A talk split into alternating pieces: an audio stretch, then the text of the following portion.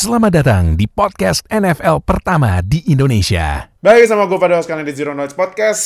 Kita kembali membuat podcast bahas kemarin yang sebenarnya udah dua minggu kemarin udah selesai. Tapi kenapa kita bikinnya telat? Karena kita harus ini dulu dong, apa? Harus menganalisis dulu nih uh, semua draft pick. Tapi ini kita bahasnya draft pick yang first round aja ya. Karena kalau bahas sampai seven round nih, ini podcastnya bisa 3 jam 4 jam ntar nih. Ntar Wah, pada iya. eh, ini lagi ngantuk dengerinnya pusing. Nah, jadi kita bakal nge-review first round aja tapi nanti kita juga kita juga kasih ini eh, review ini ya. eh, buat semua draft pick dari tim jagoan kita. Nah, jadi eh, kita bakal nge-review eh, 2022 NFL Draft yang udah berlangsung di tanggal 29 April sampai 30 Januari, Februari, Maret, April sampai 1 1 Mei. Mei ya. Satu Mei. Nah, jadi eh tim-tim udah pilih semua rookie yang yang bisa diambil di draft kemarin. Nah, sisanya ada yang undrafted karena ya memang ada beberapa rookie yang agak surprising ya karena nggak di nggak diambil di draft tapi yang pasti yang disorot yang di draft apalagi first round makanya kita bikin review oke jadi eh bareng Oka terus juga ada Nuha di sini dan seperti biasa ada special guest kita ada Mark Neighbors how are you Mark Hey, how you doing? Apa kabar? Ya, uh, we are very great uh, right now because karena ini ya, karena uh, ini kan kita rekamannya hari Kamis ya. Besok pagi itu di Jumat bakalan ada schedule rilis musim 2022. Nah, jadi Iya. itu uh, schedule rilis NFL tuh emang pinter ya kalau bikin event tuh pasti semuanya digede-gedein. Ini aja schedule rilis aja dibikin cicilan loh.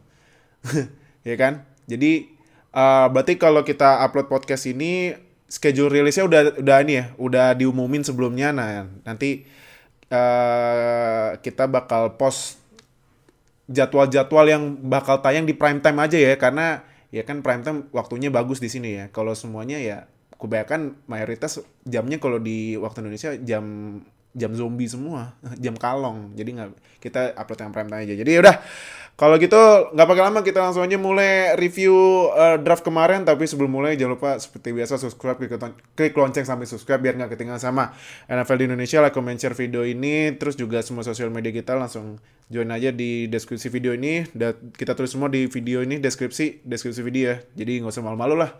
Uh, biar bareng-bareng nonton NFL sama semua fans di Indonesia. Jadi uh, langsung aja mungkin gua bacain dulu ya hasil first round draft pick 2022 kemarin di first overall. Itu tiba ini ya kena goreng ya itu GM Jaguars ya. Trent Balky ya ampun Trent Balky Trent Balky kena goreng dan ambil Trevon Walker dari Georgia. Padahal sebelumnya udah banyak yang prediksi kayaknya kayak ah, ini kayaknya uh, Aiden Hutchinson dari Michigan yang diambil pertama. Tahu-tahu akhir hari-hari terakhir ini kan uh, biasanya kalau yang udah sering nonton uh, yu- apa olahraga Amerika kan pasti kan kalau lihat patokan siapa yang bakal menang atau apa kan lihat dari taruhan ya. Bandar kan bandar taruhan. Iya. ini tiba-tiba Trevon Walker kok nih bandar taruhannya langsung naik banget nih oddsnya nih langsung tinggi banget. Eh ternyata beneran Trevon Walker wah nih emang nih GM-nya Jaguars emang lawak sebenarnya. Nah Dan, dan ini soalnya um, boleh kita noted bahwa Trevor Walker ini adalah pick yang emang dipingin sama Trent Baalke. iya Nah, dan Jaguars sendiri kan juga secara owner dia emang tipenya hands off gitu. Jadi dia nggak Iya. terlalu kurusin, nggak terlalu turun tangan banget Syahid kan sebagai ownernya Jaguars. padahal dia nyerah, dia nyerahin ke manajemennya. Manajemennya sekarang ya Trent Baalke dan dia lebih suka Trevor Walker dibandingkan Aiden Hutchinson. iya Tuh. Padahal ini loh, padahal ada beritanya kan sebelum hari H ownernya Jaguars Shad Khan kan katanya maunya Aiden Hutchinson. Nah, tapi ya udah kan keputusannya kan di GM. Ya kan, buat pilih Iya. main. Kalau owner kan ibaratnya kalau lu di kantor terima laporan mana nih laporan? Laporan performance so mana gitu kan. Gitu. Jadi eh, pick pertama Trevor Walker. Pick kedua eh, Lions ambil Aiden Hutchinson dari Michigan. Pick ketiga tim jagoannya Oka nih yang gua udah jago-jagoin Sauce Gardner jadi DB terbaik tahu-tahu ngambilnya Derek Stingley ya dari LSU. Nah, tapi nanti nanti ini reviewnya ya. Kita uh, nge-recap dulu ya.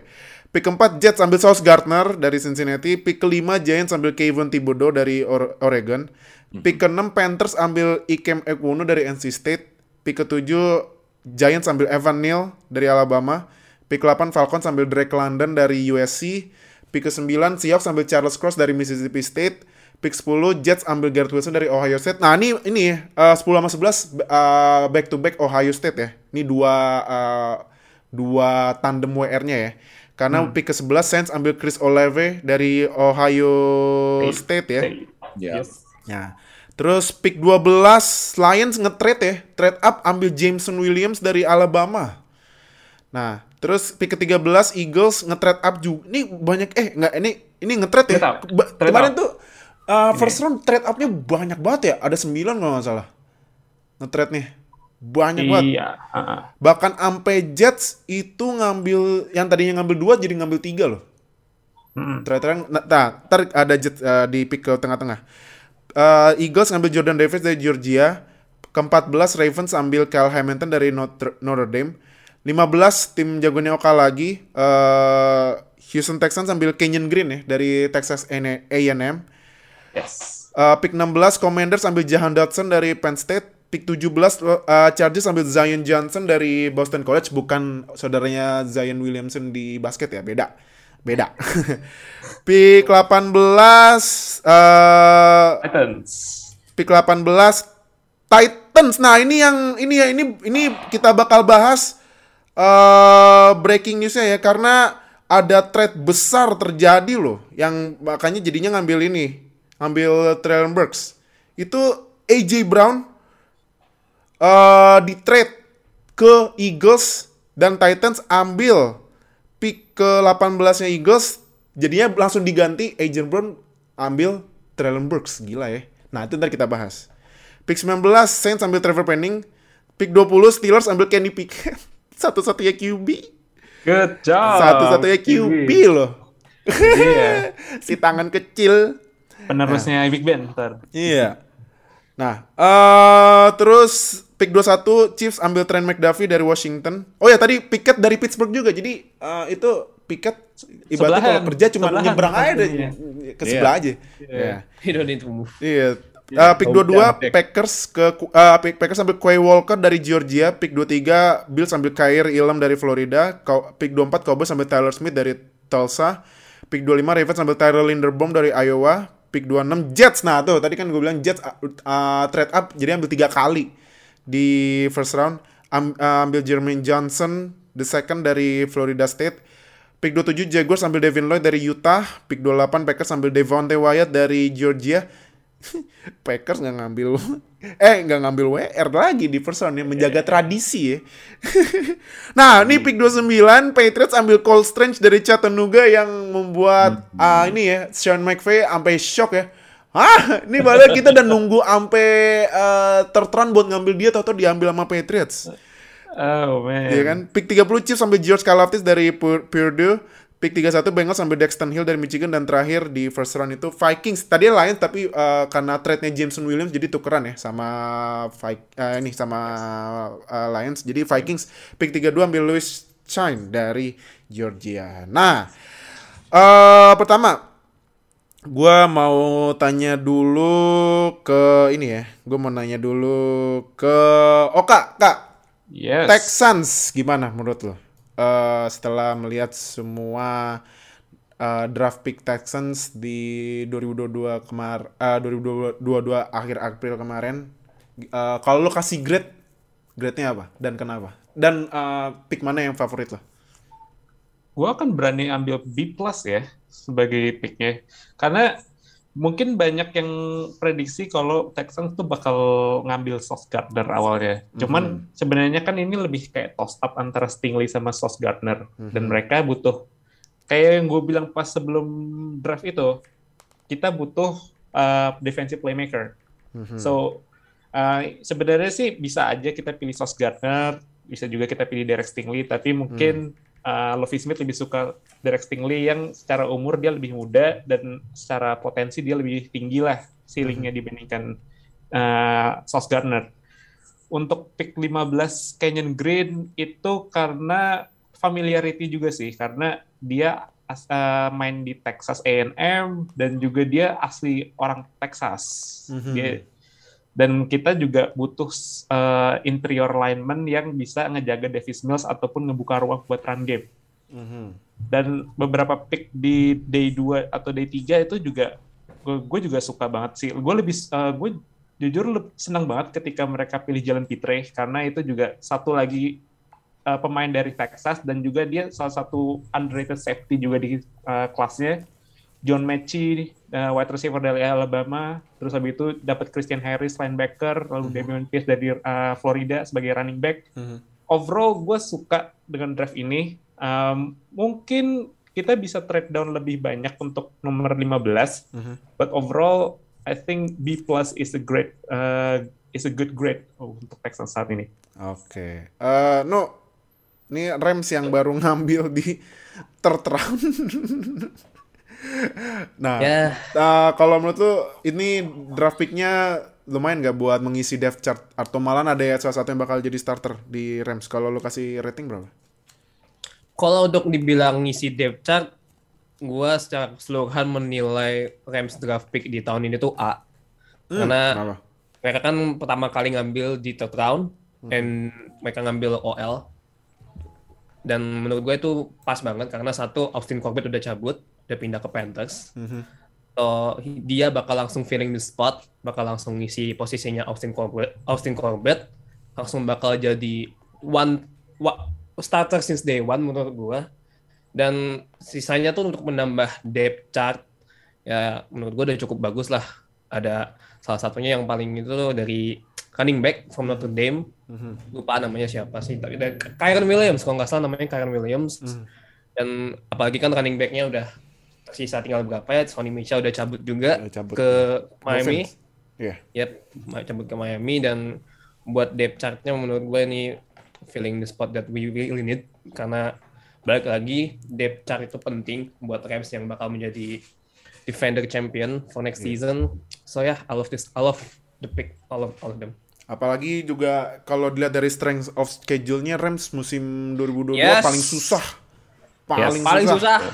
Paling susah. Emang sengaja ini sengaja ini Iya, kayaknya emang. NFL buat NFL nih to make emang sure Rams ya. didn't want the Super Bowl again. Iya, NFL nih emang sengaja emang bikin Karena mainnya di NFC West juga sih, Iya divisinya sih. juga keras kan. NFC, Iya, keras banget. Tapi ya salah satu QB-nya ada yang nyebrang ke conference lain, tapi ya Q- yang sa- satu lagi tuh yang seberang conference-nya gara-gara pindah jadi ter ter ter ter ter ter rating udah di 2022 tuh. Ya AFC kan? West ya. Yang pakai jersey oranye ntar nomor 3 bukan Rulok ya.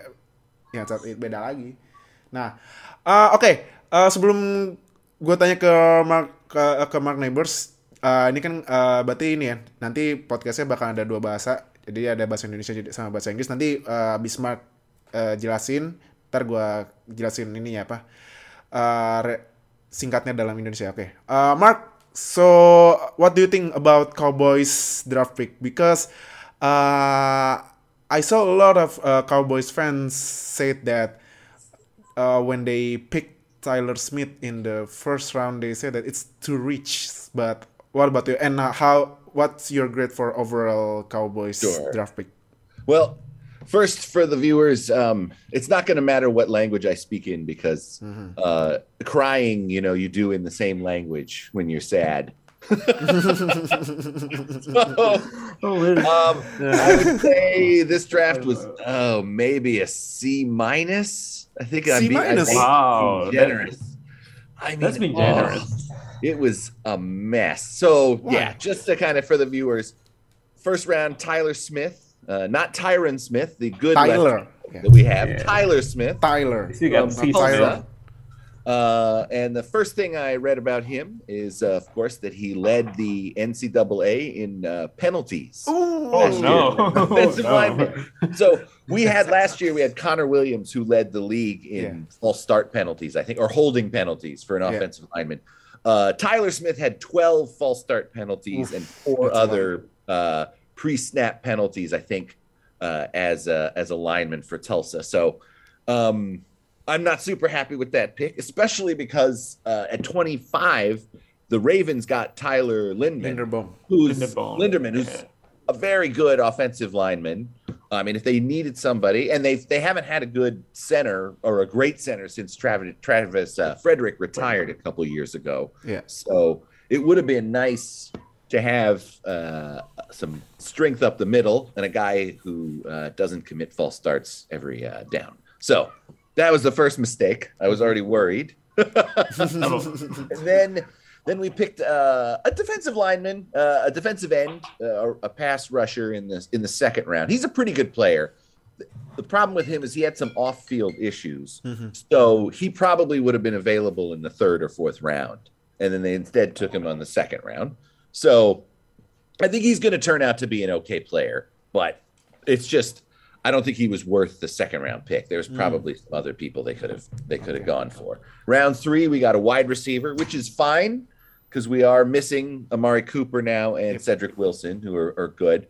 But he basically is the same as Michael Gallup. Like they do oh, almost the yeah. same thing.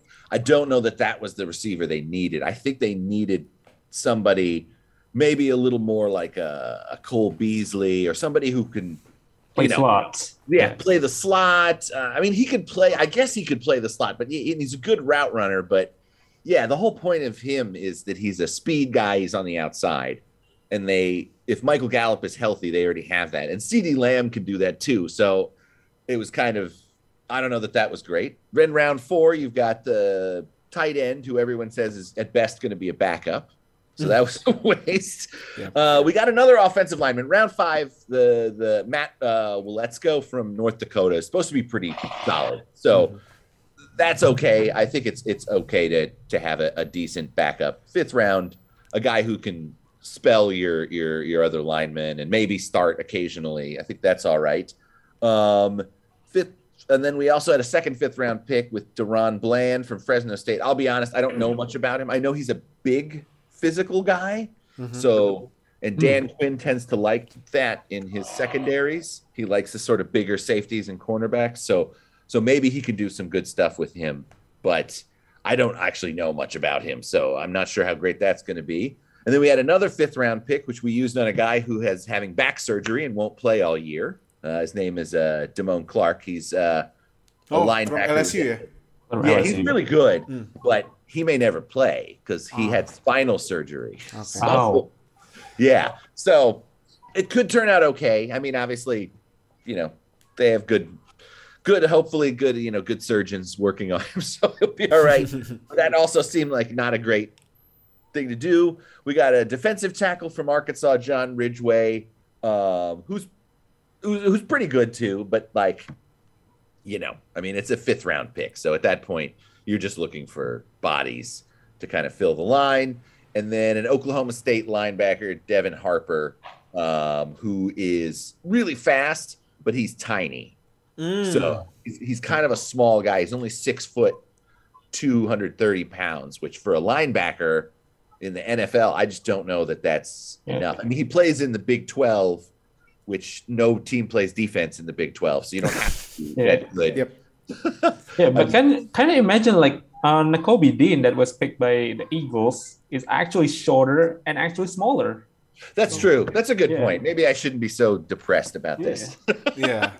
And But- then uh, and we are all surprised too when Nakobe Dean uh, were Drop, sliding yeah. down to until third round, if I'm not wrong. Yeah, That's true. Third Yeah, you're right. I mean, there. Hopefully, it works out. But uh, yeah, I just there was a lot of a lot of picks that were just seemed like they were guys who aren't going to be full time players. A lot of backups, a lot of depth, which is good. But you know, we don't. The Cowboys don't have much of a pass rush now. Um, you know, the cornerbacks. Literally, one of their cornerbacks is being investigated for being involved in a murder. So we don't know that he's going to be playing anymore. I mean, there's a lot of stuff going on.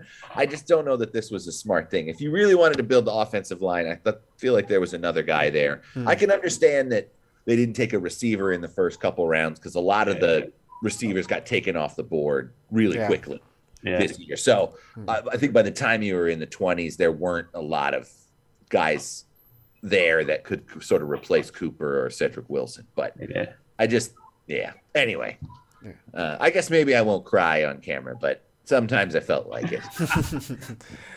Oke. Eh, jadi kata Mark dia kalau kasih rating eh, picknya Cowboys itu C C minus. yeah. Karena-. Karena banyak pick yang dipertanyakan ya. Apalagi kan kemarin itu eh sempet ini ya apa Jerry Jerry Jones ini ya sempet kayak Tunjukin ngebeberin ini, ngebeberin eh, apa Ya, show- contekannya show ya. Iya. Yeah, shit, yeah, drop cards shit. to everybody. Oh, Wah. You should not do that. Ih, no. ngapain nih? Udah gitu anaknya Stephen uh, Stephen Jones nggak udah jangan put it away don't Iya, jadi memang eh, ya ap- gimana ya kalau kalau udah Jerry Jones yang ngambil ya pasti ya ada beberapa yang rich ya.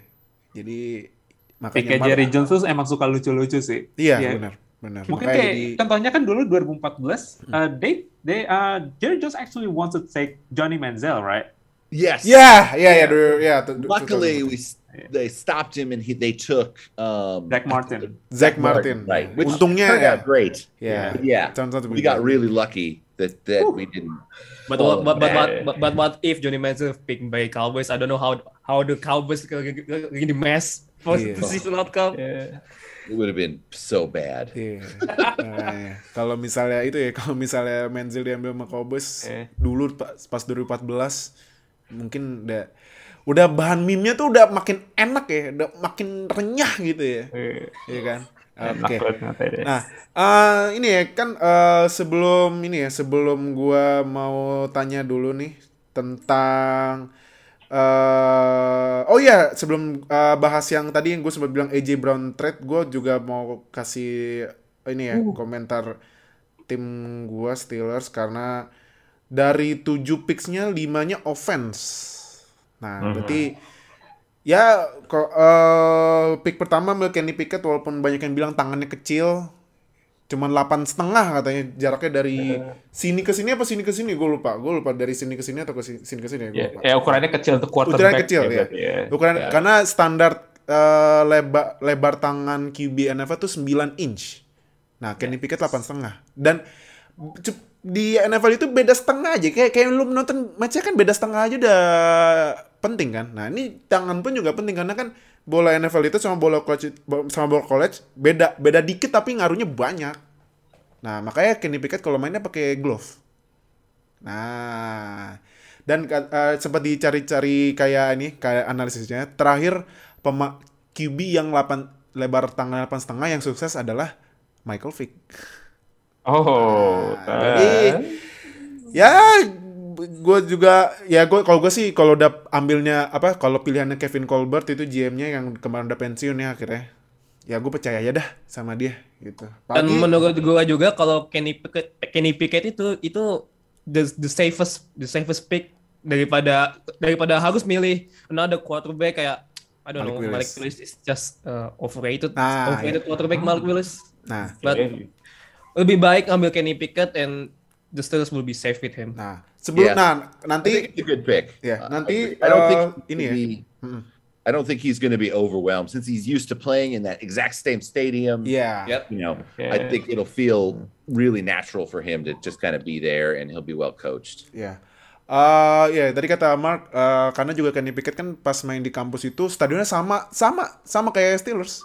Gedungnya sama, persis. lagi tuh, ya kan? Sebelahan. I- iya, kantornya sebelahan, benar-benar sebelahan. sebelahan kantornya. Jadi ya mungkin udah tahu gimana karakter lapangan Heinz Field ya. Jadi ya udah eh, mungkin jadi pilihan paling amannya Steelers buat jar- cari penggantinya Big Ben ya.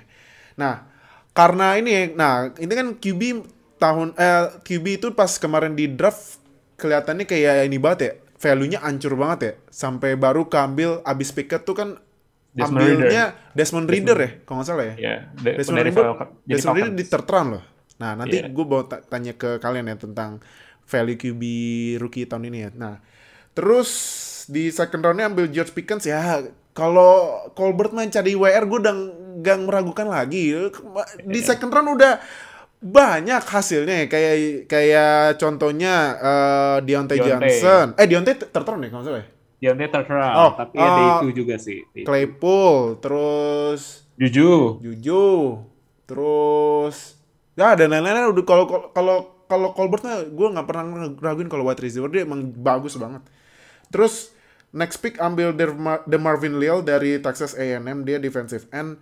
eh sebenarnya emang Steelers kan masih nunggu statusnya Stephen Tweet ya di DL tapi emang emang butuh DL biar ngebantu Cameron Hayward juga karena kalau gue lihat dia memang kayak kerja sendiri di Steelers ya. Terus next pick ambil WR lagi Calvin Austin the third. Nah ini uh, dari Memphis ya. Ini kalau gue baca katanya sebenarnya Ravens mau ambil dia tapi Steelers nyelak duluan. Hehe. Maaf ya Ravens. Maaf ya. Tuh, rivalry kita tuh masih tetap uh, bakal lanjut sampai draft. Makanya jadi Calvin Austin kita ambil ya. buat ini buat nambahin weaponnya Kenny Pickett. Nah, terus next. Nah, next ini ngambil adanya Cameron Hayward. Connor Hayward. Emang nih Steelers ini emang sangat sangat suka sama ini ya. uh, Family business family things ya. Iya, reuni saudara saudara. Family Jadi stuff. itu Steelers di timnya ada empat saudara. Uh, sauda- Watt bersaudara, Edmonds. Ed, uh, Edmonds bersaudara, uh, Davis bersaudara, Carlos sama Khalil Davis kalau nggak salah, sama ini Hayward, Hayward bersaudara. Jadi memang Steelers uh, ini ya, ke- pakai mentalitinya Dominic Toretto ya. There's always there al- there's always room for family. Yeah. family. Family, that's right. There's always room for family. Terus eh di late roundnya ambil linebacker Mark Robinson itu da- dia dari Ole Miss ya pasti buat depth chart terakhir. Nah terakhir ini gue sebenarnya ada kaget ya ambil QB lagi Chris Oladokun. Nah eh kalau kalau kalau gue sih ini kayaknya ya kemungkinan besar itu Mason Rudolph bakalan di trade atau dirilis karena udah ambil QB lagi.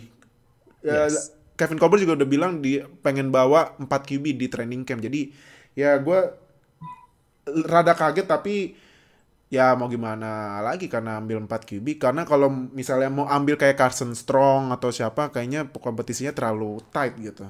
Jadi ya udah ambil Chris Oladokun. Mungkin nanti jadi QB ketiga. Mungkin nanti depth chartnya ya pertama masih mungkin masih mainin Trubisky dulu, kedua Pickett, baru ketiga Oladokun gitu. Kalau kasih nilai gue ya biar bagusin offense lagi setelah di ditinggal Big Ben gue kasih B plus lah nggak A gue Wa- walaupun banyak yang ini ya walaupun banyak panelis bilang Steelers bagus draft picknya tapi gue lebih prefer B plus sih gitu sih. Nah jadi oke kita langsung masuk ke ini ya eh, topik-topik review draft kemarin. Nah gue mulanya ini karena tadi udah sempet bahas QB ya value QB ini eh kemarin kan yang diambil first round cuma Kenny Pickett, ya kan? Di second round nggak ada. Di third round baru eh, keambil yang pertama itu Desmond Reader kan. Yep. Ya, Nah, Desmond Reader ke Falcons ya. Falcons. Falcons. Desmond Reader ke Falcons. Abis itu eh ngambil Malik- lagi Malik Willis. Malik Willis yang udah banyak yang ngegoreng-goreng kan, ngegoreng-goreng bakalan jadi first rounder, tahu-tahu jeblok sampai third round diambil sama Titans. Titans. Titans, pun sampai nge-trade up ya demi ngambil Malik Willis. Terus eh, Matt Corral, Matt Corral ke Carolina Panthers di pick ke 94. Nah, yeah. kalau menurut lo, no, ini value QB tahun ini emang emang kayak gitu atau mungkin terlalu under value jadinya GM GM ngambilnya terlalu rendah dan cuman Kenny Pickett di first round atau ya atau gimana menurut lo? Kalau menurut gue sih kayaknya memang satu defensive talent itu memang lagi bagus-bagusnya karena memang di tahun 2022 ini defensive talent banyak banget. Bahkan di first di oh, di first round aja itu berapa itu defensive Banyak. defensive defensive talent tuh kayaknya hampir setengahnya itu kayaknya defensive talent semua dan Hmm. QB pun juga for the all of the, di, di, di season 2021 tuh juga not not that great much karena satu juga sempat ada one case I, I mean kalau nggak salah si Spencer Rattler juga yang juga tiba-tiba ngedrop jauh. I mean he was number one projected number one overall pick, but he turns out going doing well. Jadi mungkin juga karena talentnya juga sedikit yang benar-benar bagus dan Kenny Pickett, I think he he was a lucky one to be selected for the first round because Pittsburgh juga the se- selama selama season juga di college juga terhitung biasa aja gitu. Dibandingin dengan yang lain. Sedangkan yang baru bener-bener top talent for quarterback tuh baru lagi ada di tahun depan Tahun depan Bryce ya. Young Yeah. Bryce Young, CJ Stroud. CJ Stroud. CJ Stroud Hmm. dan ya mungkin emang emang perlu ada siklus sih kalau menurut gue jadi tidak harus quarterback yang harus menjadi first round pick karena ya makin ke sini defense is more important than offense Hmm. I think Oke. Eh, Kak, kalau menurut lu gimana? Value QB Ini- tahun ini. Kalau dari Rookie QB, sorry. Rookie QB. rookie QB untuk kelas ini menurut gue adalah yang terlemah sejak 2013. Hmm. Karena 2013 kita harus ingat kalau quarterback pertama yang diambil itu adalah AJ Manuel. EJ Manuel. Wow. Wow. That's, AJ. that's, that's a long time memory. Iya. Wow. Di mana EJ Manuel? I don't know. Probably retired, yeah. Probably he, he was already retired, I guess. Yeah, and oh, and that uh, 2013 QB class uh, mereka udah pada ke mana? Udah pada jadi paling paling sukses malah kayaknya Geno Smith ya, yang jadi masih jadi backup di Seahawks. Yang lainnya mungkin udah Iya. antara udah nggak main atau retire atau gimana. Uh, I wouldn't say that kalau draft class musim yang 2022 ini seburuk itu, tapi uh, overall emang nggak, uh, it's not looking too good buat mereka karena uh, secara ko- secara strength itu mereka lagi overwhelmed sama banyak banget defensive talent dan juga wide receiver talent yang muncul untuk yang declare draft. Jadi bakal ketutupan oleh uh, antara untuk quarterback sama talent-talent lainnya kayak Aiden Hutchinson ataupun Gardner dan lain-lain. So ya mungkin bukan value quarter pos- secara posisinya turun, tapi emang secara talent itu nggak ada yang uh, pantas atau konsensus jadi kayak top 10, even top 10 itu nggak ada. Kayak Kenny Pickett aja itu kebanyakan ada yang pilih nomor 6, Enam. sampai ke uh, second round. Second awal. round. Ya, value-nya itu sejauh itu uh, variance-nya. So, uh, I wouldn't think that ini uh, secara posisi itu dia nggak ada value-nya sama sekali. Pasti ada. Dan musim depan bakal lebih tinggi lagi. Cuman ya emang secara uh, prospek ini nggak ada yang menarik untuk tim-tim. Dan mereka lebih milih kayak, oh gue draft pemain yang terbaik aja lah untuk nyimpen sekarang. Terus gue kalau misalkan main jelek, jadi tanking, gue ambil QB di musim depan. Hmm. Oke. Uh, Mark, what do you think about uh, QB rookie class this year? Yeah, it's pretty slim pickings to say, especially when you like said when you compare to next year, right? Because next year, besides CJ Stroud, who you already mentioned, there's that guy in Miami, with Tyler Van Dyke, who people Yeah, yeah. And ini uh, and uh, one from Kentucky. Uh, that's uh, Oh, Will uh, Will, Will Levis. Will Levis. Will Yeah, Levis. Will Levis. yeah. Will Levis Will Levis? I don't know. Will Levis. Yeah. Yeah, and then you got um even that Bryce you got Bryce Young in Alabama, who Yeah. You know he's a little bit small, but he could turn out okay too. Yeah, just compared to that, um, yeah, and I think right if the Steelers hadn't been kind of in that draft position, Pickett probably goes much later. Uh, I think it's a it's a unique situation for him. I think he can do well there, but I don't think he there's any other team that could have taken him in the first round that could really do much with him. I don't I don't think. Uh, just because that situation is so unique, I think they can protect him and develop him in a way that that other teams can't. Uh, I am curious to see. I mean, that division, your division is really tough with Yeah. the Oh my QB. God. So, man, I mean, even if he turns out to be fantastic, he still may be the fourth best quarterback. in- Yeah, yeah, be- Uh, yeah. Because and. AFC North quarterbacks are so good. so Yeah. good. Even even Browns. He will, yeah, he will acquired go face to face Watson, against yeah Yeah, against with Watson. Lamar, against Burrow, Burrow. and against Sean Watson. Deshaun Watson and future And don't forget Pickett. Baker Mayfield too. Yeah, Don't the forget good old Baker Baker is still there. Ah, I But, don't know where. yeah, will then he go. Malik Willis, I think, has a lot of potential. But yeah, I think it's good he's going to Tennessee too, right? Because he doesn't have to start right away. Yeah. Sort of Yes. figure out what to do with him. Their offense is not very complicated for the quarterbacks. You know, Yeah. most of the mm-hmm. time it's just hand off to Derrick To Henry. hand rock, play yeah. action. Snap and hand off then. Yeah, I, I think I think Run. Titans quarterback main job is to hand off the ball to Derrick Henry and Yeah, ju- exactly. just pray where where will go. Yeah, just get out of the way. Make sure you don't uh, accidentally trip him, you know, and then and just let him go. Or you play action fake to Derrick, yeah. and then you're going to throw it to a lot of people who are open. So, Yeah. uh, I mean, that's that's good for him. But yeah, I I it wouldn't surprise me if it is like the 2013 draft. Yeah. You know, just a, a lot of people who you know maybe they end up having an okay few years, but I don't think there's there's really like a superstar in any of those quarterbacks for sure. Oke.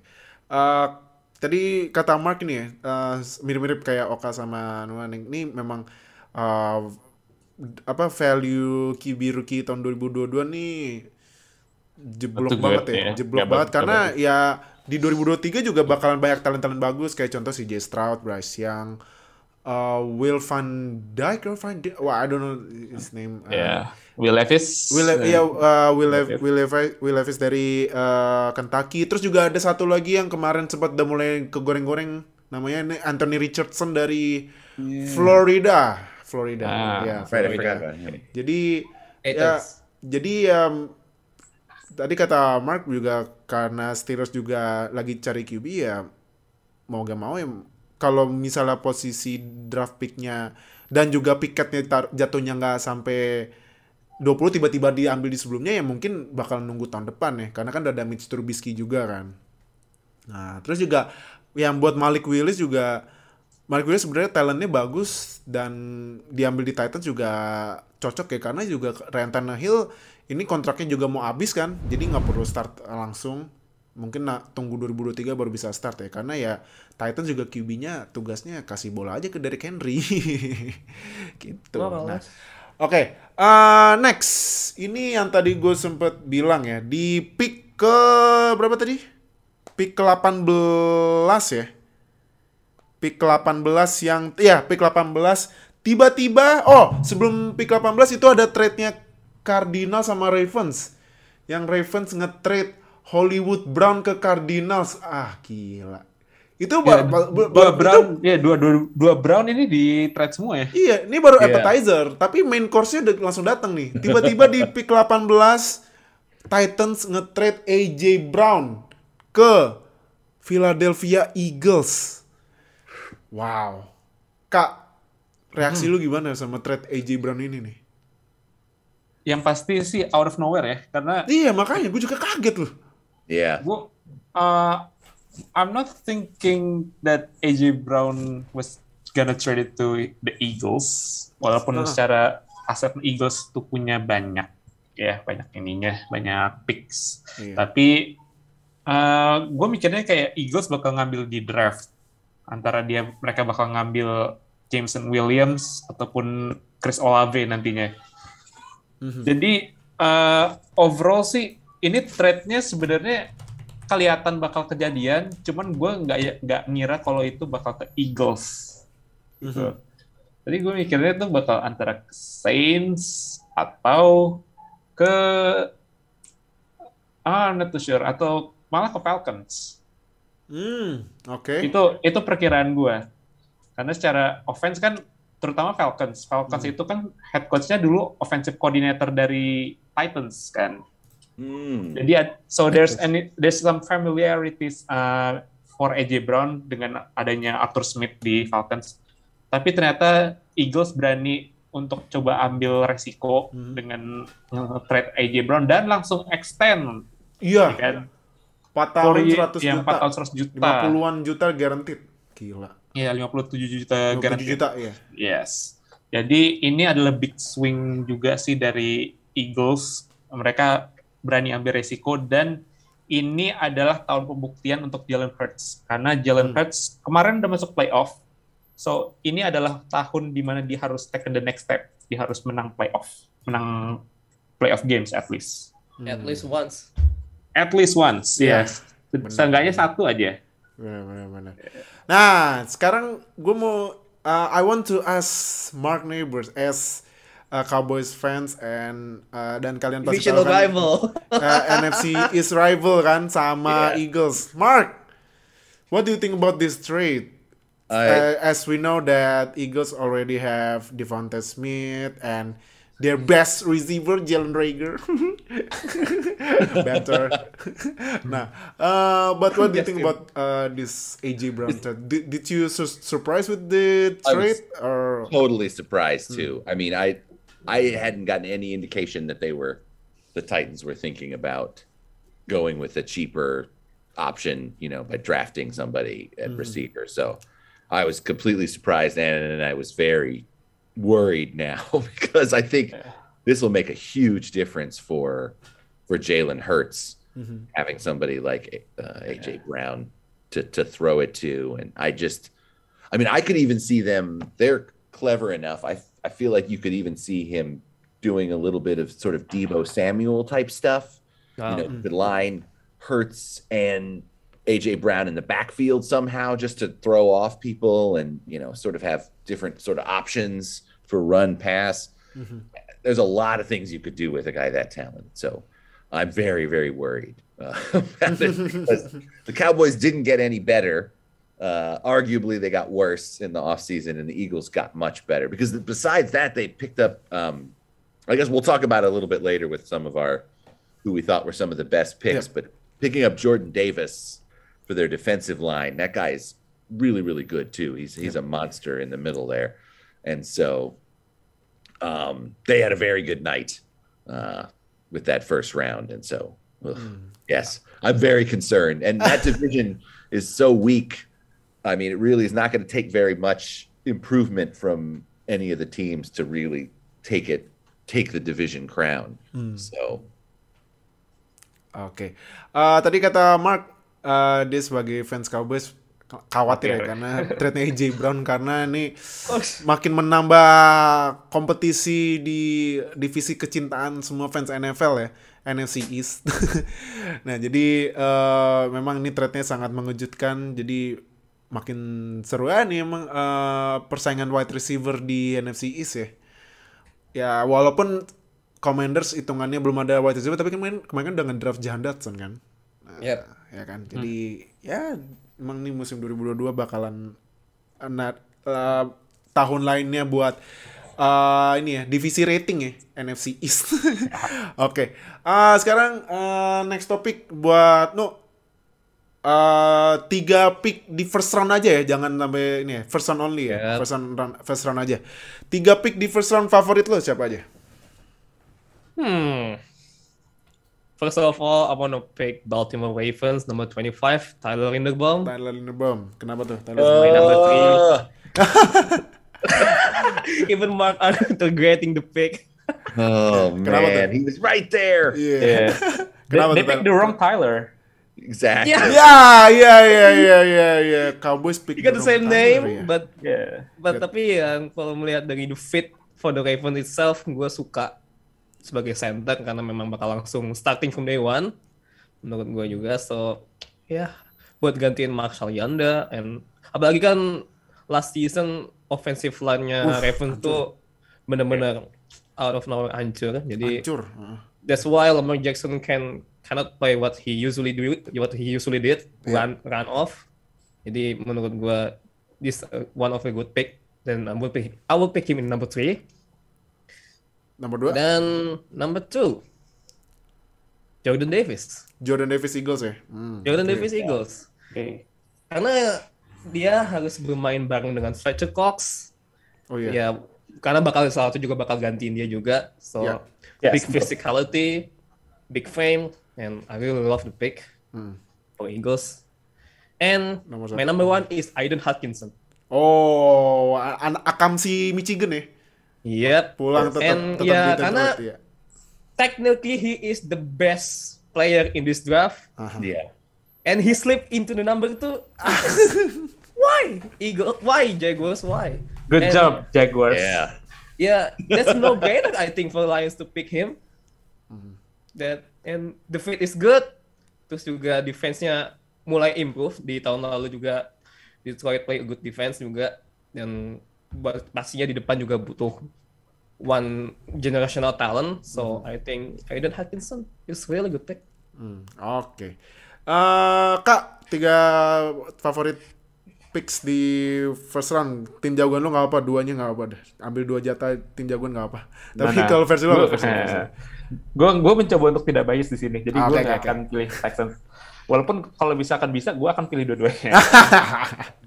But uh, untuk menghindari bias, gue akan pilih tiga. Yang pertama itu adalah pick nomor 7 dari Giants, yaitu Evan Neal dari Evan Neal. Alabama. Hmm. Because uh, secara konsensus dia juga uh, best offensive line di draft, Mhm. karena dia juga versatile dan dia gede banget.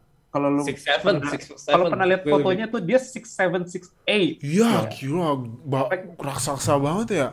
pas dia berdiri samping-sampingan sama Kevin Thibodeau yang di draft juga udah sama gede juga gitu.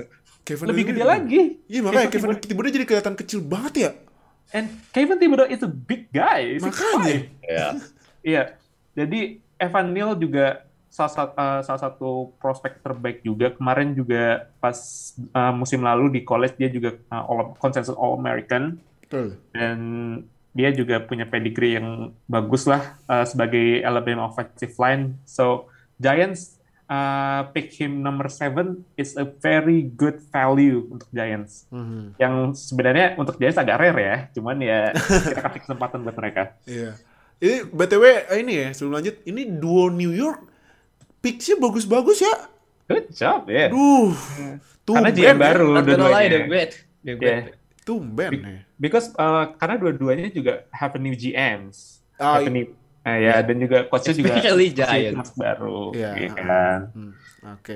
Eh, s- terus pick kedua favorit itu siapa kak?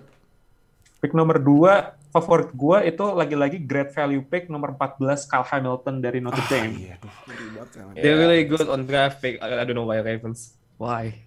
They're so good. Iya, Yeah, that's true. gue I still can imagine nggak bisa bayangin kalau Kyle Hamilton bisa drop sampai nomor 14 karena Iya, gua- makanya. karena banyak uh, konsensus boardnya itu draft mocknya itu kan kebanyakan dia ada di top 10 Ah, tapi dia bisa turun sampai nomor 14 itu uh, suatu keajaiban untuk Ravens sih. Ravens nggak perlu trade up untuk ngambil Kyle Hamilton. Ketika Kyle Hamilton masih ada di board nomor 14, udahlah mereka langsung ambil best player available dan dia prospek safety terbaik di draft ini. And mungkin salah satu alasan kenapa dia drop itu adalah karena hasil combine-nya agak kurang ya, agak Iya, combine-nya ya, bener. Iya, karena gue masih ingat 40s-nya itu agak agak mengecewakan lah untuk ukuran top 10 prospect, terutama defensive back. Mhm. Jadi uh, mungkin itu yang bikin scout agak agak milih untuk ngambil pick lain, tapi Kyle Hamilton uh, is a very very good picks dan juga langsung bisa jadi day one starter kayak Tyler Linderbaum yang tadi udah dibilang sama Nuha. Hmm, oke. Eh, terakhir pick, eh, terakhir favorit di first round. gue akan bilang kalau Detroit Lions actually win this draft karena nggak cuma Aiden Hutchinson yang diambil di nomor 2 I tapi do nomor agree. 12. I do agree. dan Jameson nomor Williams ya? 12 Jameson Williams bisa mereka ambil karena Jameson Williams walaupun dia kemarin cedera ACL Hmm. ACL atau Achilles Eh, ACL salah. Ah. ya tapi ketika healthy ketika dia sehat itu dia best uh, mungkin bisa dibilang best receiver di draft ini Hmm. Iya. Oke. dan dia bisa slot uh, perfectly lah sama receiving core-nya dari Lions karena ya receivernya Lions sekarang kan yang paling Cuman Amon. sekarang cuma Amon St. Brown, Iya, betul. And and Yeah. TJ Hawkinson. Iya, Iya, Kenson, ya kalau dia healthy juga. Itu. Uh, jadi Jameson Williams bisa mereka ambil nomor 12 dan mereka nggak perlu trade up terlalu banyak. Mereka nggak sampai harus trade uh, first round picks mereka next year untuk ngambil Jameson Williams.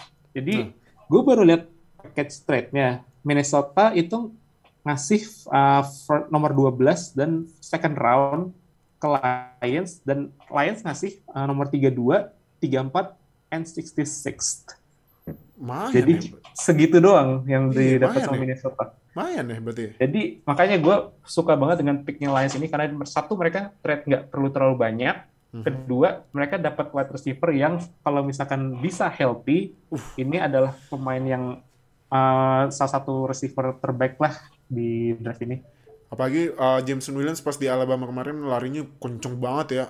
Banget ya, dia Banget, kenceng banget, kenceng juga. Just like Jalen Waddle. Nah, benar-benar. Iya. Oke. Uh, Mark, your three favorite picks from first round Or in 2022? Well, I agree. Uh, Kyle Hamilton, I think he's he's fantastic. That was a great pick for Baltimore. That same thing. I was surprised he dropped to 14. Uh, he can really get after get after it. He can. He's a ball hawk, you know, and and he's a great tackler. And um, I think he's in. Is he with Marcus Williams now? Yep. Yeah, Yeah, that's why. yeah. I- that- That that's why when yeah. uh, Ravens pick Kyle Hamilton, oh my, Kenny Pickett I know, will, will get picked a lot. Yeah, I mean, it's it's, it's going to be like uh, two almost Ed Reeds out there. Like, they're Oh both my so God, talented. yeah. It's Ah. this is going to be it's going to be a really tough secondary to, to throw a, against. I think that's Mm-hmm. that. So that was I go with that one. I agree. Um, I can't believe I'm saying this next one because normally the Jets don't do anything that Yeah. great, but but Garrett Wilson is really good. ah, yeah, Garrett Wilson Yeah, from Ohio very State. talented receiver. I mean, who knows what'll happen to him because it is the Jets. They could really screw this up. But I mean, if you're gonna make Zach Wilson into any kind of quarterback, having a guy like Garrett Wilson who can he's got big play uh, capability. He's also a really good route runner. He doesn't make a lot of mistakes. He knows he's very precise and he's got really good hands. If you watch, he can he can really hold on to the ball like he, he gets up and grabs it. So uh so that's that's a good pick for them, I think. And then like I was saying earlier, Jordan Davis, I think from Georgia going to the Eagles at 13 uh was a was a pretty good pick too. Uh I think he's he's a big guy. Uh he can he can really stop the run and uh and he's got some pass rush Yeah. ability from the inside uh which which they need because I think I mean, like Fletcher Cox is getting up there in age, right? I think. Yeah, yeah. So, yeah, Jordan Davis may maybe will uh, tandem with uh, Javon Hargrave. that's right. That's Javon right. Hargrave, Yeah, yeah. yeah. Uh, so, so those are the three that I picked. Oke, eh, Mark tadi bilang fa- tiga favorit picknya di first round itu yang pertama eh Kyle Hamilton dari yang- ke Ravens, terus yang kedua Garrett Wilson ke Jets sama ketiga tadi Jordan Davis ya yang diambil Eagles. Oke, eh, next eh, dan ini ya topik terakhir.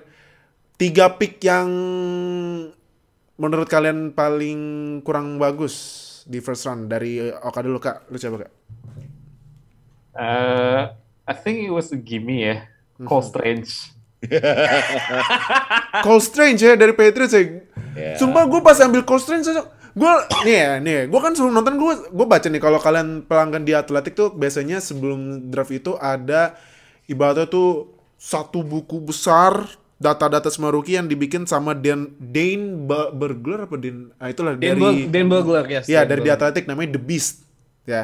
Kok gue sangat saranin kalian buat langganan di Atletik deh karena itu artikelnya bagus banget. Apalagi kalau yang yang kemarin udah baca The Beast tuh, wah kalian baca itu langsung dapat knowledge banyak tentang rookie-rookie setiap tahun ya.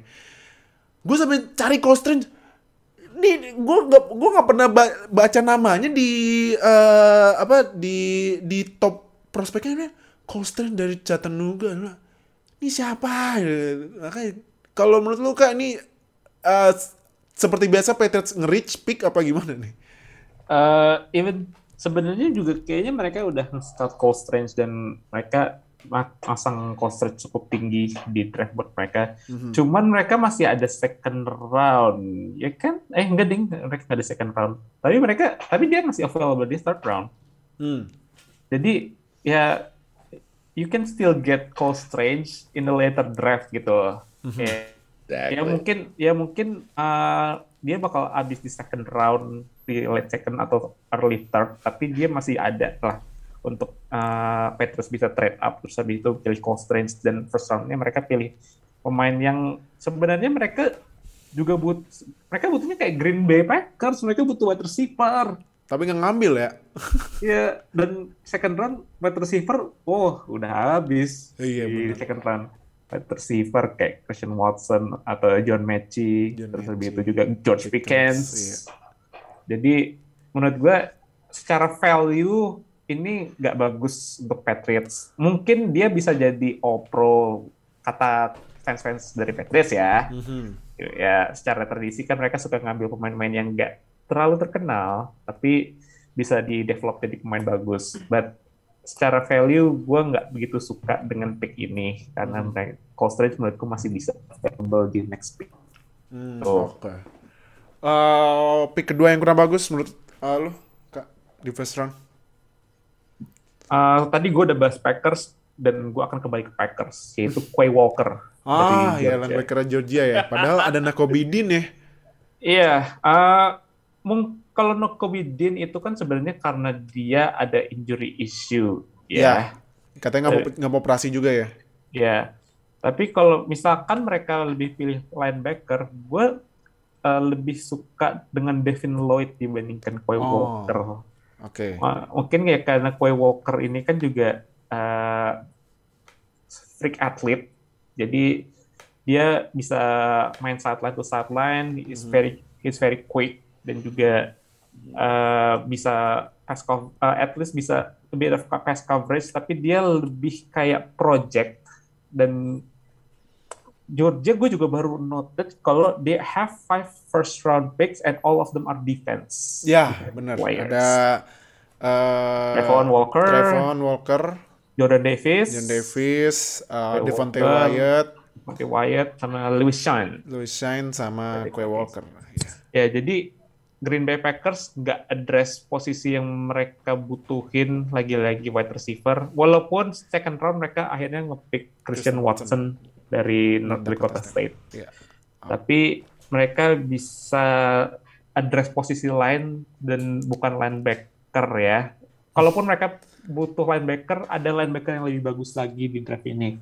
So, ya itu nomor dua gue untuk pick yang gue nggak begitu suka. Oke, ketiga. Tiga, eh gue langsung pilih elephant in the room, Tremon Walker dari Jaguars. Trevon first overall-nya ya. Oh, maksud- Kenapa? ya? I mean, I mean, it's reasonable. ya itu gini lah kayak sebenarnya kan konsensusnya juga Aiden Hutchinson terus habis itu ada yang pilih Kyle Hamilton, Sauce Gardner, Derek Stingley, Thibodeau atau Evan Neal.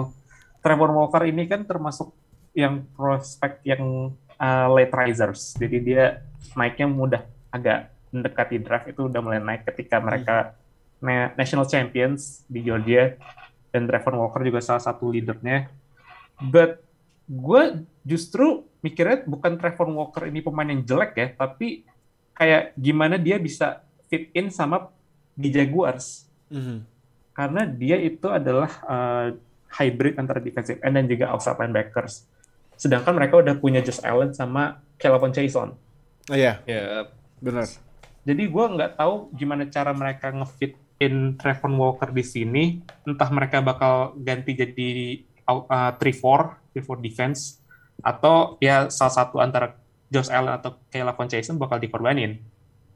Hmm. Hmm. Dan gue juga noted di sini bahwa Jaguars itu kemarin ngepick ada defensive line, linebacker, mereka nggak ngepick wide receiver. Ah, wow. Nah, padahal itu sebenarnya that's one of their weak points. One Oke. of their weak points. Walaupun udah dapat ini, walaupun udah ada siapa tuh yang dari Christian Kirk. Christian Oh iya, Christian Iya. Kirk. Is. mereka, mereka percaya oleh Christian Kirk seasons uh, 72 million for years. Gila. Tapi um, mereka mereka anehnya mereka nggak address posisi offense. Jadi Hmm. Trevon Walk awalnya gue mikir kayak kalau mereka nggak pick Aiden Hutchinson, mereka bakal pick Evan Neal atau ya Ikem mau yang ngomong. bisa ngebantu uh, Trevor Lawrence untuk jadi quarterback yang lebih kompeten lagi. Tapi mereka pilih Trevor Walker di first overall pick defensive line, Devin Lloyd. Ini gue sekalian recap dari Jaguarsnya sendiri ya. Iya. Dan mereka di third round pilih linebacker lagi. Fifth round mereka pilih running back lagi. Third pick, uh, third pick, uh, third round mereka selain itu juga mereka pilih pemain yang seharusnya belum ada di situ juga. So ini draft yang agak aneh ya. Ya, I think I will be happy because uh, Jaguars is a division rival of my team. Tapi Yes. ya kalau misalkan harus objektif, gue nggak suka sama draft Jaguars as uh, overall, Hmm. terutama ketika mereka punya needs yang lebih banyak untuk posisi lain selain defense. Hmm, Oke, oke, oke, oke. Um, no, tiga pick yang gak lo suka di first round. Hmm. Yang ketiga sih, gue pilih Drake London ya. Dari Oh, Drake London. Yang ke Falcons kenapa? Falcons. Karena menurut gue, they don't really need wide receiver do that much gitu. Karena mereka masih punya Kyle Pitts as a primary receiver. Aha. Walaupun sebenarnya kalau misalnya mau dipakai Drake London sebenarnya useful ya. He's 6'4", tinggi, bisa dimainin jadi dua duet duet wide receiver. Ya, twin tower ya. end. Twin Tower di Yes, Falcons. Twin Tower. Cuman ya kalau misal dibandingin dengan Garrett Wilson, Chris Olave, or Jameson Williams, they should pick three of them instead of Drake London. Salah satu dari tiga itu ya daripada Drake Yes. London ya. Hmm. Karena ya Drake London is not the best, but his ability is really good. He's tall. Mhm. Karena mungkin itu kali ya. Karena dia tinggi, jadi dia bisa nangkap bola-bola atas. Apalagi kan nanti I don't know who's gonna play, Marcus Mariota or Desmond Ridder ya? Ridder. Ah iya, ini benar-benar. The competition on quarterback will be fun. Mhm. Cuman the fit menurut gue masih rada kurang so Drake London Mhm. atau Falcons. Oke, Ya, yang kedua. Yang kedua ya, hmm, ini sebenarnya sudah sempat disinggung ya. Tennessee Titans, Traylon Burks. Oh, kenapa? Kan langsung dapat really penggantinya like AJ Brown. Iya tahu, cuman I don't really like the pick because Hmm. the Titans just don't wanna pay AJ Brown. That's Ah. simple. Ah, Because oke. Ya, Karena basically ya- sebenarnya mereka ngeganti AJ Brown dengan AJ Brown kan. Oh iya iya iya, karena beda beda dikit-dikit ya tingginya. Nah, sedikit beda-beda. dan tipikalnya mirip sebenarnya dan juga kan ya Ter- Traylon Brooks itu masih unproven he's still a rookie sedangkan AJ Brown kalau misalnya bandingin dengan dia dia udah masuk dalam tanda kutip top wide receiver apalagi nanti dia bakal main dengan Robert Woods Oh iya. Ya. it's still questionable but because of his injury Iya. but sebenarnya ini cuma karena because the Titans don't wanna wanna pay AJ Brown aja sih Iya iya. Iya, kat- kalau nggak salah tuh AJ Brown sempat bilang dia dapat tawaran dari Titans 16 juta per tahun ya. Ya market WR gara-gara dihancurin sama GM-nya Jaguars yang kasih kontrak absurd ke Christian Kirk ya. Christian Kirk. 16 juta buat AJ Brown mah kerendahan ya. Terus masuk ke Eagles langsung 25 juta per tahun ya. Iyalah langsung lah. Deal lah. Masterclass dari Iyalah. Dan Balki. Iya, makanya ini emang GM-nya Jaguars tuh lu cari namanya Trent Balky ya. Trent, Trent biasa, Balky B double A L K E L K E itu emang badut itu orang. Punya 49ers itu. iya, iya, mantap. Ya, dulu jadi GM 49ers. Nah, terakhir, no, yang paling lu nggak suka siapa? Di picknya Yang paling gue gak suka. di first round. Hmm. Yeah, I mean Packers, come on, come on Packers, Oh, Packers ya. come on. Yang, ma- yang mana dulu? Yang mana dulu? dulu? Walker apa Devontae? Of, of course, Quay Walker. Quay Walker ya. Ah, kenapa? yeah, Quay Walker? jelas. I mean, man, there's a lot of talent in wide receiver, and you still didn't want to choose any any anyone. ya walaupun akhirnya mereka ngambil ya, wa- walaupun akhirnya Christian mereka ngambil di Watson. second round Christian Yeah. Watson, but yeah, there's lot, there's a lot of still a laughing stock for Packers in every NFL draft. Mhm. Dan juga ya, I mean, ya Allah, Devontae Adams man, your best wide receiver you traded out, you got nothing from him. Oke. Walaupun ya penggantinya y- you have to compare with Christian Watson. Iya. The Packers still questionable for next season, I guess. Dan kemarin juga ada isu-isu kalau Packers mau trade for Debo Samuel loh. Iya, tapi Yeah. ya tuh tra- rumor-rumor Dibo Bisa. sulit 49ers nggak mau kayak nggak bakal lepasin juga sih Dibo. Terlalu valuable juga. Sulit sih. Iya sulit. Oke. Iya. Uh, last Mark, uh, your three list uh, Sure. list favorite from Sure. first round. So Your I'm version. gonna have a lot in common with these guys. Uh, I agree. I think Traylon Burks for the Titans. They just Oh, wow. got a photocopy of AJ Brown. Ah. But, you know, it's like a lousy photocopy, right? You- Oh, lousy photo. copy. Each Oh. time you make the copy, the quality gets worse. Ah. Yeah. I mean, he's he's got some talent, but at 18, especially, I mean, there's all these other receivers, or they could have gone in a completely different direction. You know, maybe get a pass catching tight end, or or just go with defense, or or something like that. I I I didn't understand the the point of that. Just because you don't want to pay AJ Brown, I mean, he's worth the money. Uh, he's very talented, so I, that just seemed odd to me. Uh, and then Cole Strange, Ah. yeah, that was just a mystery. It's like like the movie Doctor. Strange and it's strange, you know. It was very odd. I definitely, um, you know, uh, I could understand Sean McVay's reaction. I had a similar reaction. Yeah. It was, it was very weird. And then the third one is a little unusual. oh. I'm gonna pick the um, Indianapolis Colts because Oh. the pick that they traded was to get Carson Wentz. Oh, yeah, yeah, yeah, yeah, yeah, yeah. Yeah. It was from Yes, last uh, year when they traded year. for Carson Wentz. Mhm. It was they gave up a first round pick. So, uh, and the Eagles had a great draft. So um, clearly there was some consequences for for them. So even though it's technically not a correct answer because it wasn't, it, it didn't involve a player in the actual draft. Mhm. I just think the Carson Wentz situation was so bad for Indianapolis that it it deserves uh, a place in my Yeah. hall of shame for this season for bad choices.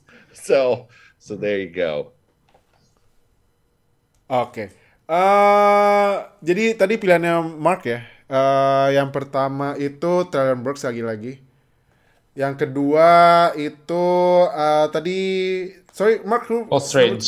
Cole Strange. Cole Strange. Cole Strange ya, Cole Strange. Yang ketiga adalah sebenarnya Colts juga di ini ya, Colts juga Gak milih gak sebenarnya. milih di first round. Tapi kalau menurut Mark itu eh, li- eh, menurut dia itu move Elok yang dah. jelek ya karena dari hasil trade-nya Carson Wentz kan hasilnya Eh, Ya, hasilnya Colts pun juga Colts. Iya, Colts iya. Terus juga eh ini juga trade-nya karena eh Wentz mainnya sesuai syarat buat jadi first round ya conditional ya kemarin. Itu kan kalau nggak salah picknya jadi ngambil ini ya. Ngambil siapa sih kemarin tuh? Eagles. Uh, mereka pick 16 kalau nggak salah. 16. Dan, tapi itu dari Eagles di trade kan. Oh iya iya iya iya iya di trade uh, Saints. sama komen iya benar benar benar. Ya. ke Jadi Saints. ya Colts kem- uh, dari hasil trade-nya kayaknya ini walaupun dapat wins musim kemarin tapi ya hasil kayak gitu dan juga di draft pick gak ada first round ya lose jadinya kan lose lose benar-benar lose lose situation ya buat Colts ya. Nah jadi itu uh, buat review draft 2022 thank you uh, Mark as always as our special guest Oh, thank you. and- ya Oka dan Nuha uh, thank you udah seperti biasa hadir di podcast. Dan yang tadi gue bilang karena schedule rilis udah dirilis tadi pagi ya karena ini kita rilis uh, sore Jumat. Nah kalian langsung kasih reaksinya di semua sosial media kita langsung uh, join semua sosial media kita Uh, di link-linknya semuanya udah ada di deskripsi video ini. Langsung join gak usah malu-malu dan jangan lupa seperti biasa subscribe ke konceng sampai subscribe biar gak ketinggalan sama NFL di Indonesia. Karena dari jadwal itu ya kalian pasti udah bisa bikin ini kan. Langsung bikin prediksi ah ini tim jagoan gua finishnya berapa nih? Gua aja udah eh, gua aja nih kayaknya prediksi nih Steelers gak jauh-jauh nih paling 10 win atau 9 win lagi kayak kemarin. Ya mungkin Texans bakalan naiknya agak lumayan ya karena Davis Mill season ya. Let's go. Davis Mill Let's go. season ya. Nah ini juga tim jagoan Nuha Rams nih karena juara berdahan dan ternyata di schedule uh, strength of bah, strength of schedule-nya ternyata paling susah. I don't know why. Nah, kita tidak tahu apakah bisa balik ke playoff kan- atau enggak karena memang championship hangover di NFL ini sangat eh, tinggi dan juga oh my god, uh, Mark Neighbor's favorite team Cowboys. Wow, we don't know what will happen with that uh, rating division in NFC East. Yeah, NFC least. NFC What least. happens? Yeah. Buat confirm. Jadi kalian langsung aja terus reaksi kalian di sosial media kita ada line open chat ada di Instagram juga ada dan juga Twitter karena besok kita bakal post semua uh, jadwal yang prime time only ya prime time aja karena itu jam yang sangat bers- yang lebih bersahabat buat penonton Indonesia karena pagi-pagi lebih enak nontonnya daripada nonton jam kalong ya jam 1 atau jam subuh ya kan jadi thank you yang udah nonton dan uh, nonton di YouTube thank you yang udah dengerin podcast audio di Spotify sampai ketemu di edisi selanjutnya ya. Dadah semuanya. Gue. Sampai Thank you, jumpa. guys. Terima kasih telah mendengarkan podcast NFL pertama di Indonesia. Sampai jumpa di podcast edisi selanjutnya. Closing dua. Terima kasih telah mendengarkan podcast NFL pertama di Indonesia. Sampai jumpa di podcast edisi selanjutnya.